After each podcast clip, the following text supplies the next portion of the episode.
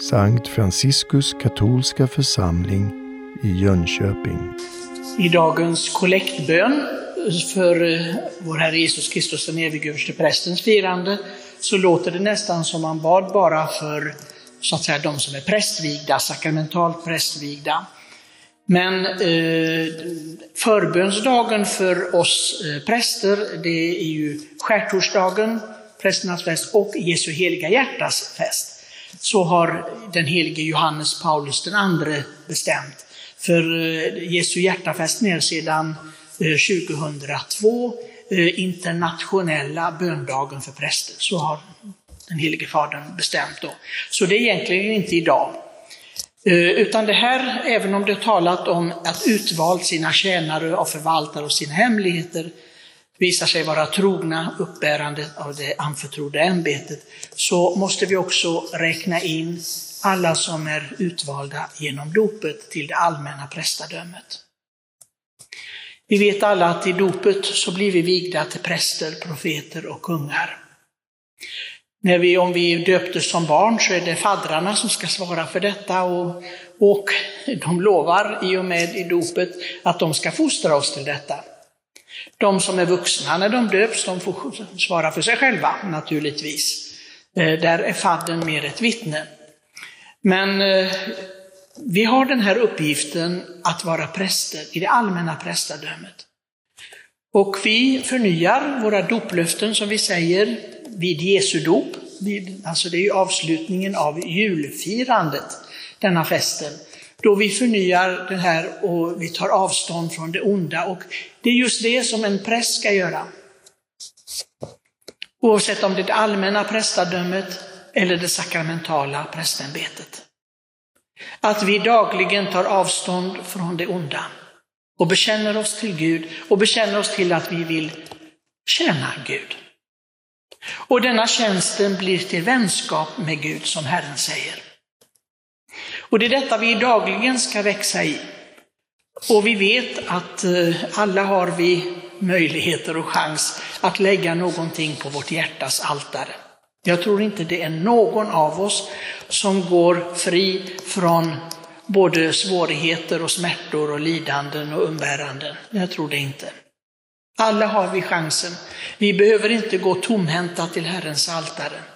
Oavsett om det är det altaret här i kyrkan eller om det är vårt hjärtas altare, för det är också ett altare.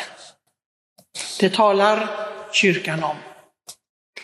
Och det är viktigt att vi förstår detta, vi inte lämnar det här altaret öde.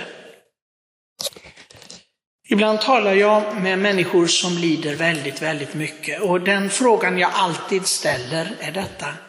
Ger du Herren ditt lidande? Skänker du Herren ditt lidande?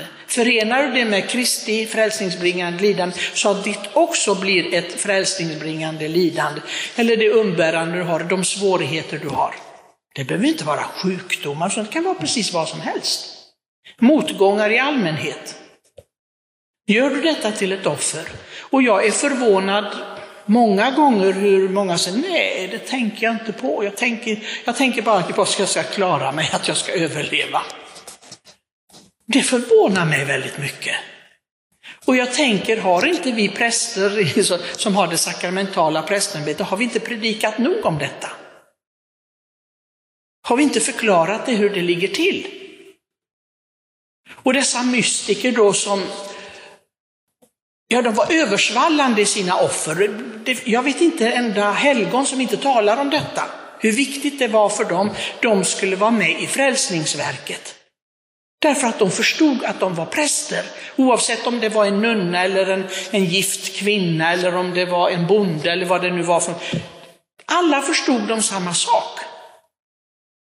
Att de hade fått ett ämbete i dopet, genom dopet, som innebar att lägga allt framför Herren, ge honom allt. Sitt ja i livet till precis allting, vad de än skulle gå igenom. Glädje och sorg välbefinnande, olyckor och lidande. Allting. Och detta att liksom kväva den egna världsligheten inom sig, det är också ett offer. Att övervinna sig själv. Och det är nog så svårt. Man behöver inte sjukdomar och elände för det. Det är nog så svårt att övervinna sig själv. Det där som vi tycker är så naturligt. Ja, men människor är ju sådana i världen. Ja, men vi är inte av världen, säger aposteln. Vi är absolut inte av världen. Vi ska inte vara det. Vi ska vara annorlunda i vårt inre. I vårt inre. Så jag tror att den här festen är en påminnelse som är mycket, mycket viktig för oss. Det är, en, det är så att vi blir frågade just det här, den här frågan ställs till oss i livet. Hur lever jag denna min offertjänst? För prästen, det har med offer att göra. Det har med offer att göra. Profeten, den förkunnar. Kungen, den ska regera över sig själv. Visa dominansen över sig själv och kunna, så att säga, klara av sitt liv enligt Guds vilja. Men prästen, han offrar. Och det är den uppgiften vi har fått var och en. Jag tänker ofta, och jag kanske tjatar lite för mycket om henne, men, men jag förstår sen i samtal med människor att de har inte tagit det till sig i alla fall, om lilla Therese. Hon som säger så envist, jag ska rädda många själar. Och ni vet, jag har berättat för er att nunnorna var irriterade av att höra detta. Och du, du räddar ingen, du frälser ingen. Men den här lilla 24-åringen som dog i tuberkulos i ett okänt kloster i Frankrike, för då innan hon dog så var det helt, ingen visste om det här klostret i Lisieux. Idag är det världsberömt. Men det är tack vare henne, eller vad Gud gjorde genom henne. Hon säger, jo då, för hon var sprängfylld av medvetande av evangeliet och av Paulus undervisning. Jag uppfyller med mina lidande som fattas i Kristi lidande för kyrkan.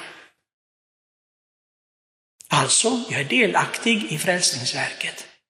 Men jag måste göra det medvetet, Jag måste vara medveten om min uppgift.